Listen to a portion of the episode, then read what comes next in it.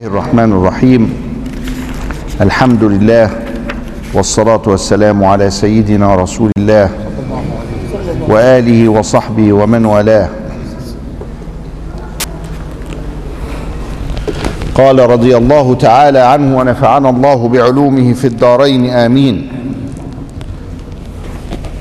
لا عمل أرجى للقبول من عمل يغيب عنك شهوده. ويحتقر عندك وجوده. يقول سيدنا رسول الله صلى الله عليه وآله وسلم لا يدخل أحدكم الجنة بعمله. يعني إنما بتوفيق الله وأمر الله ومنة الله وفضل الله لأن العمل الذي عملته في الدنيا إنما هو بتوفيق الله وبخلق الله. فلا بد أنه يستوجب الشكر منك لله. والعمل إذا صدر منك وأنت لا تراه وترى ربك وحده كان عملا مقبولا. لا عمل أرجى يعني أشد رجاء من عمل يغيب عنك شهوده. يبقى صلى ولكنه لا ينظر إلى أنه صلى وزكى ولكنه لا ينظر أنه زكى وتصدق وصدق لكنه لا ينظر أنه تصدق وصدق ويستقل عمله. ودائما هو على رجاء من الله وعلى خوف من الله. رجاء باستمرار التوفيق وخوف من انقطاعه. ويحتقر عندك وجوده. واحد يقول لك يا سلام ده انت بتصلي وتصوم. تقول له صوم إيه بس؟ وصلاة إيه؟ الله أعلم مقبولة ولا لا. صاحب البردة. شوف البردة دي حاجة عظيمة أوي. حببت الناس في رسول الله صلى الله عليه وسلم عبر العصور. وألقى الله عليها القبول. وجعل الناس إلى يومنا هذا يتغنون بها. وعارضها الشعراء. كبيرهم وصغيرهم. فما اشتهر شيء مما عارضوا به. واشتهرت. بالرغم إن كثير مما عورض عورضت به.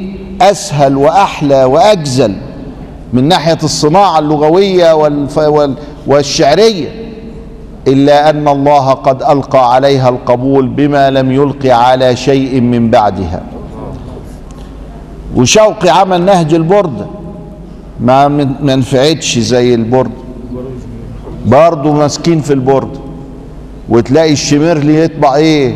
البردة ما يطبعش نهج البردة نهج البردة تدور عليها ما تلاقيهاش إلا على سور الازبكيه وهي حلوة ريم على القاع بين البان والعلم. أحل سفك دمي في الأشهر الحرم. رمى القضاء بعين جؤذر أسدا. يا ساكن القاع أدرك ساكن الاجل حلوة.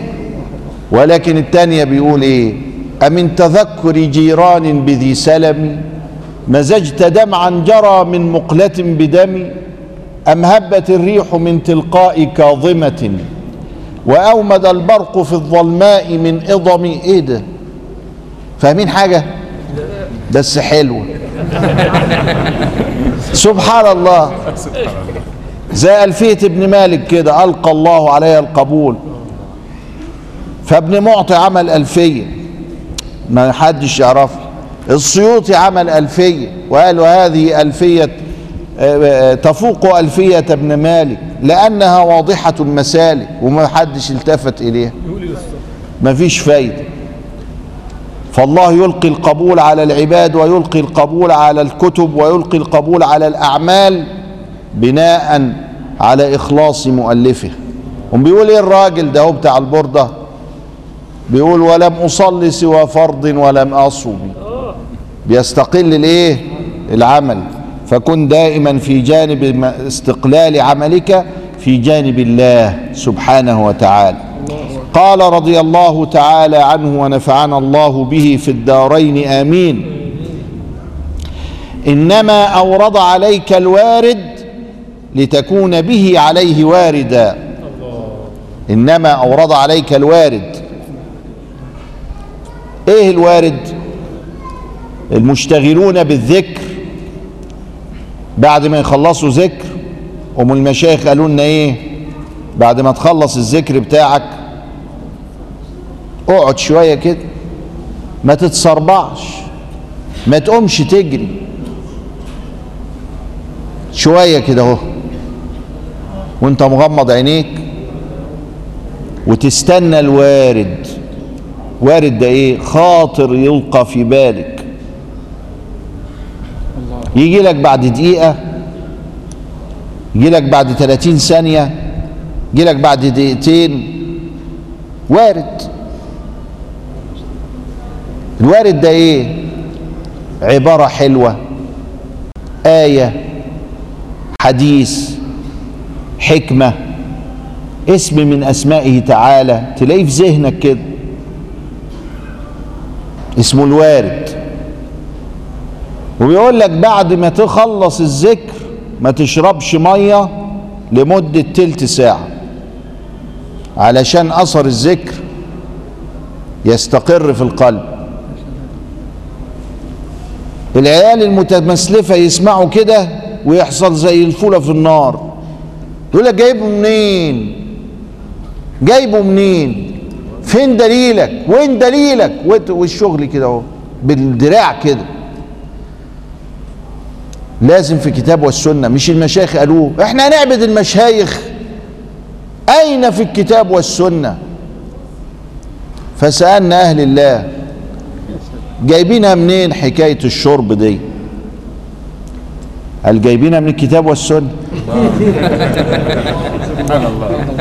في في الكتاب ما تشربوش بعد الذكر. قالوا لنا لا.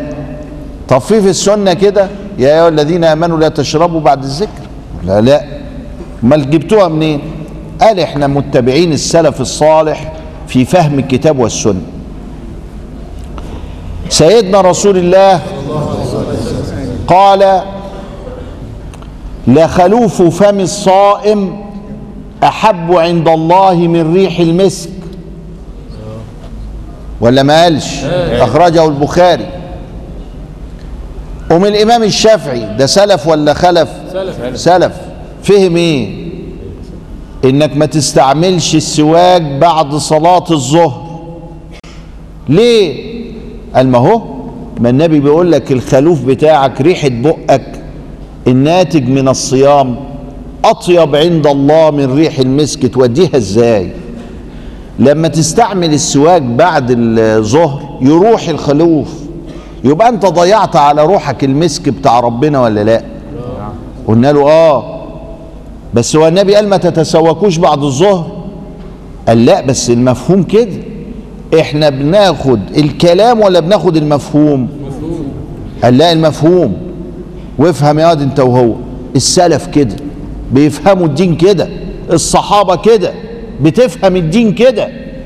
ودول عايزيننا نفهم الدين بطريقة تانية. طب ده الإمام الشافعي وقال الكلام ده. في خلوف فم الصائم بتمتنعوا عن شرب المية ليه؟ لمدة تلت ساعة بعد الذكر. قال النبي قال إيه؟ لا يزال لسانك رطبا بذكر الله. طب وإيه يعني؟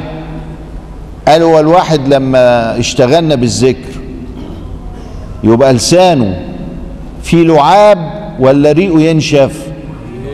ما انت ما انتش عارف ما انت ما ذكرتش. لو ذكرت كنت عرفت انه ريقه ينشف ويبقى عايز يشرب مية.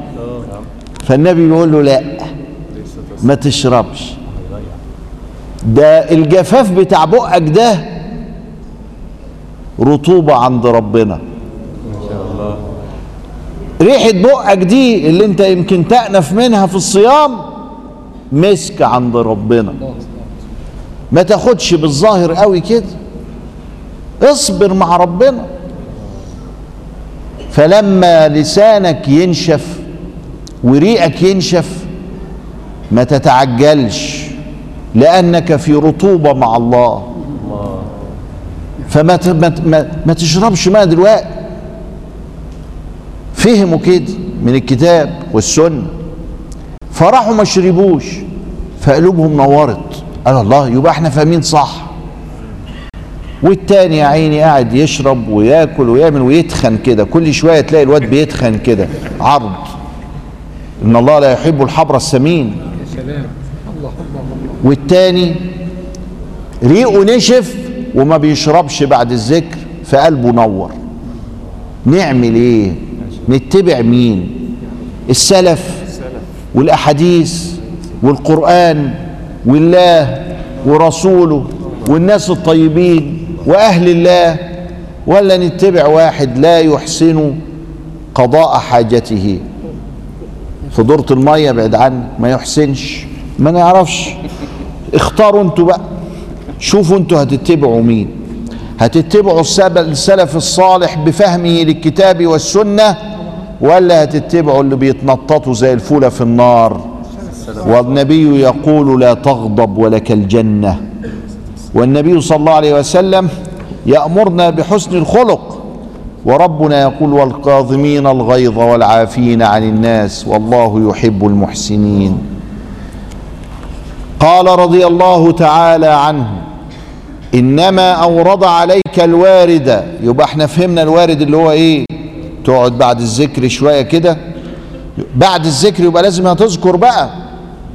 يبقى ما ينفعش الوارد يجي من غير ذكر. ولذلك قال أهل الله إذا انقطعت عن الورد انقطع الوارد. الورد اللي هو إيه؟ الذكر. إذا انقطعت عن الورد انقطع الوارد. هو الوارد. يجي إلا من غير آه، ورد ما ينفعش. فإذا لم تشتغل بالورد وانقطعت عنه انقطع عنك الوارد. والوارد ده ما نستناهوش لأن إحنا بنذكر لله مش للوارد. قوم واحد يقول لي والله أنا ذكرت النهارده وللأسف ما جاليش وارد. قلت له الحمد لله يبقى ربنا بيرقيك لأنه لما منع عنك الوارد جعل ذكرك له له. اوعى تنتظر الوارد لأن الله مقصود الكل.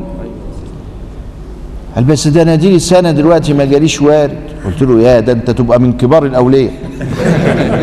اما ليه ما تنتظرش الوارد. طب أمال الوارد بقى فايدته إيه؟ إذا كان يعني لما يجي نقول الحمد لله ولما ينقطع نقول الحمد لله. أمال فايدته إيه؟ مش تنتظر ومش تذكر عشان الوارد ما تبقاش زي العبد الخسيس. عايز ياكل يعمل بلقمته وبعد شوية يقول له هات يا رب. الله انت ما جبتليش ليه؟ انت هتحقق مع ربنا. لتكون به عليه واردا. هدف الوارد إيه؟ ترقيتك. طب إذا رأك الله قد ترقيت إلى مرتبة لا تحتاج فيها إلى الوارد انقطع الوارد. يبقى إذا انقطاع الوارد ما هوش عقاب. لمن؟ لمن داوم على الذكر. ده ترقي. يبقى في الظاهر لو كنا مش فاهمين وملخبطين يبقى هنذكر من أجل الوارد. غلط. ما فيش إخلاص الكلام ده. وإحنا عايزين تمام الإخلاص. أن تذكر الله لله. لأنه يستحق الذكر منك سبحانه وتعالى. إنما أورد عليك الوارد لتكون به عليه واردا. مش علشان تتخذ مقصدا وهدفا. فالهدف هو ذكر الله لله. والوارد نعمة ومنة. إن أتت فإنما من أجل أن توصلك إليه. وعلى ذلك لو ورد الخاطر القبيح. يبقى من اللوافت الشواغل وليست من الواردات الصالحات. فنيجي رمينه لأنه لا يوصلنا إلى شيء. يبقى إحنا الله ده, ده أنت مؤمن قوي قوي وبتميز أهو بين الصالح والطالح رضي الله عنك. أورد عليك الوارد ليستلمك من يد الأغيار. ويحررك من رق الآثار. أدي الهدف بتاع الوارد إنه يشيلك من الدنيا. إنه يخلي قلبك مش متعلق بما حولك من الكائنات. إنه يدخلك في الحضرة القدسية. إيه الحضرة القدسية دي؟ حالة تذكر فيها ربك فلا تنساه. فأعراض الدنيا وشهوات النفس يخلعك منها انخلاعا ويخليك تشعر دائما أنك في المعية. يعني نقلك من دائرة سخطه إلى دائرة رضاه. ومن شهوة نفسك إلى طمأنينتها. قال رضي الله تعالى عنه أورد عليك الوارد ليخرجك من سجن وجودك إلى فضاء شهودك. ما هو الإنسان في شهواته محبوس ويشعر بأنه مسجون وضاقت عليه الأرض بما رحبت. فإذا خرجت من ذلك أحسست أنك في فضاء فسيح هو لرب العالمين. قال رضي الله تعالى عنه الأنوار مطايا القلوب والأسرار.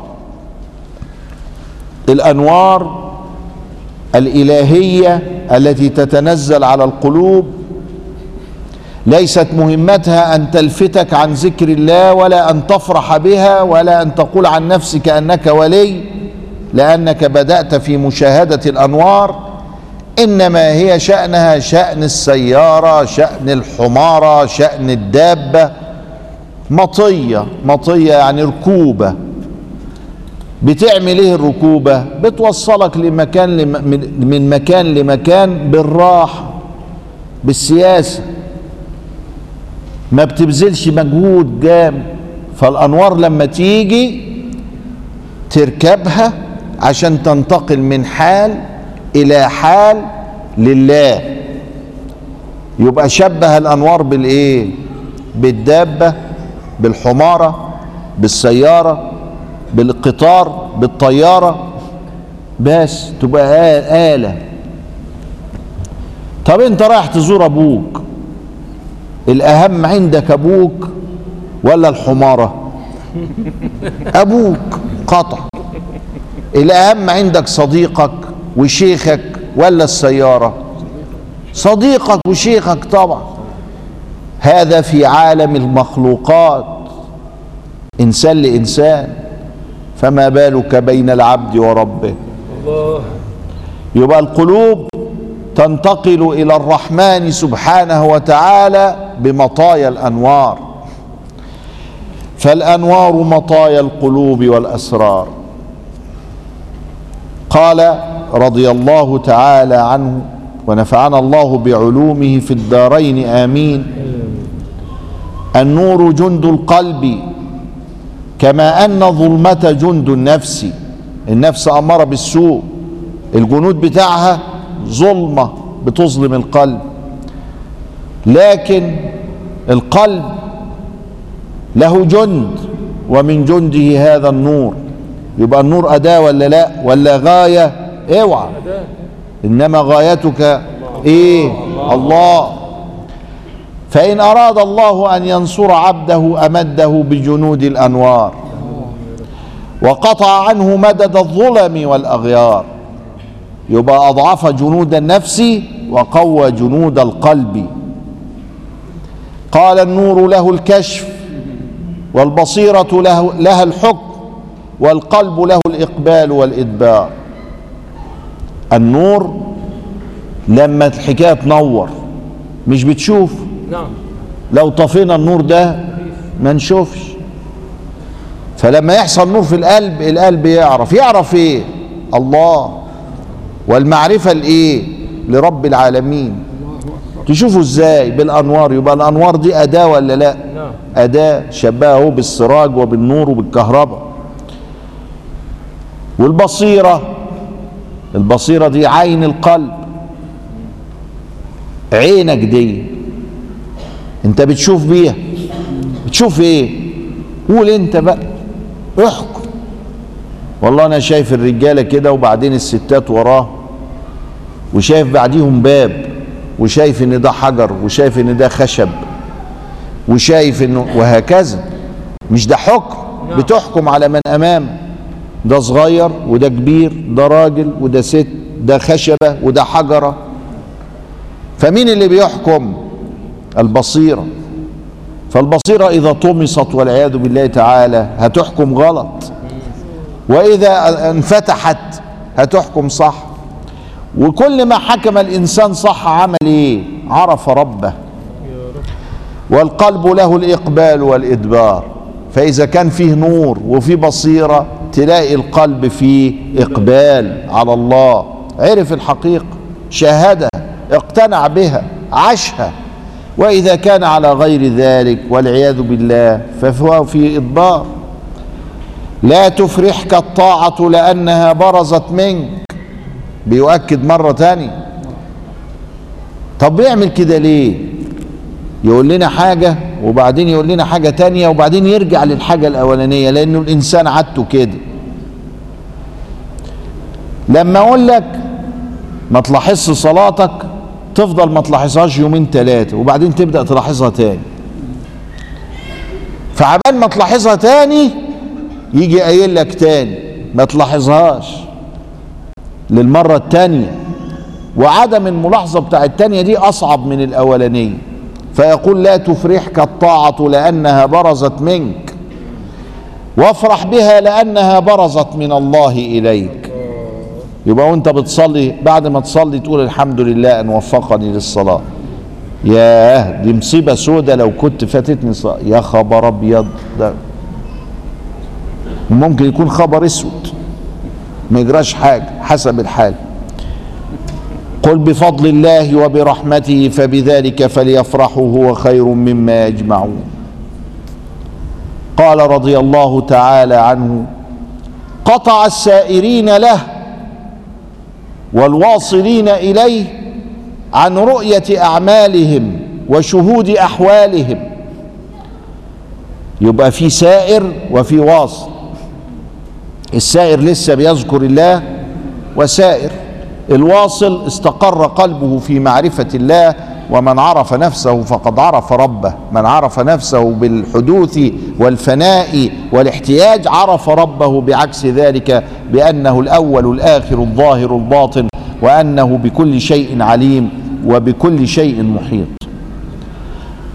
الله قطع السائرين إليه والواصلين إليه عن رؤية أعمالهم وشهود أحوالهم. الأعمال راجعة للسائرين والأحوال راجعة للواصلين. أما السائرون فلأنهم لم يتحققوا الصدق مع الله فيها لسه صغيرين وأما الواصلون فلأنه غيبهم بشهوده عنها. مش شايفين الا ربنا فمش واخدين بالهم. هم صلوا ولا ما صلوا ولا إيه الحكاية؟ هو شايف ربنا وبس. قال يا سائلي عن رسول الله كيف سهى؟ والسهو من كل قلب غافل لاهي. قد غاب عن كل شيء سره فسهى عما سوى الله فالتعظيم لله. يعني اشتغل رسول الله بالله حتى غاب عن صلاته فلم يشهدها. ما هواش من ضمن السهو بتاعنا ده؟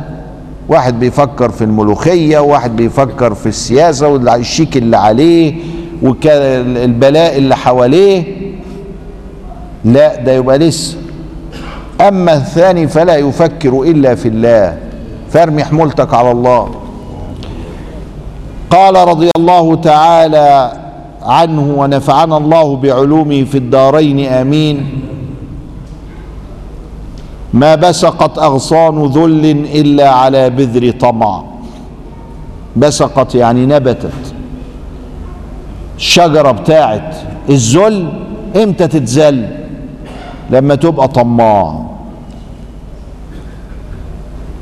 أم تحتاج إلى الخلق وتجري ورا الدنيا والدنيا تجري قدامك. أنت تجري وهي تجري قدامك ولن تلحق بها. لن تلحق بها أبدا. أما لو جريت منها تجري وراك وما تحصلكش ما تنولكش لأنك بتجري منها. وكل شوية يعرضوا عليك الدنيا وانت قاعد تجري منها. في قلبك. اللهم اجعل الدنيا في أيدينا ولا تجعلها في قلوبنا يا رب يا رب يا رب لأن الزاهد الحقيقي من كانت الدنيا في يده ثم زاد فيها. فقال ما بسقت أغصان ذل إلا على بذر طمع. ولله العزة ولرسوله وللمؤمنين. أما الذل فإنه لمن طمع في الدنيا والعياذ بالله ورجا غير الله فأشغله الله بنفسه. اللهم جاز عنا هذا الشيخ كما وفقته لصياغة هذه الحكم خير ما جزيت عالما عن أمته وشيخا عن مريديه وسابقا عن لاحق.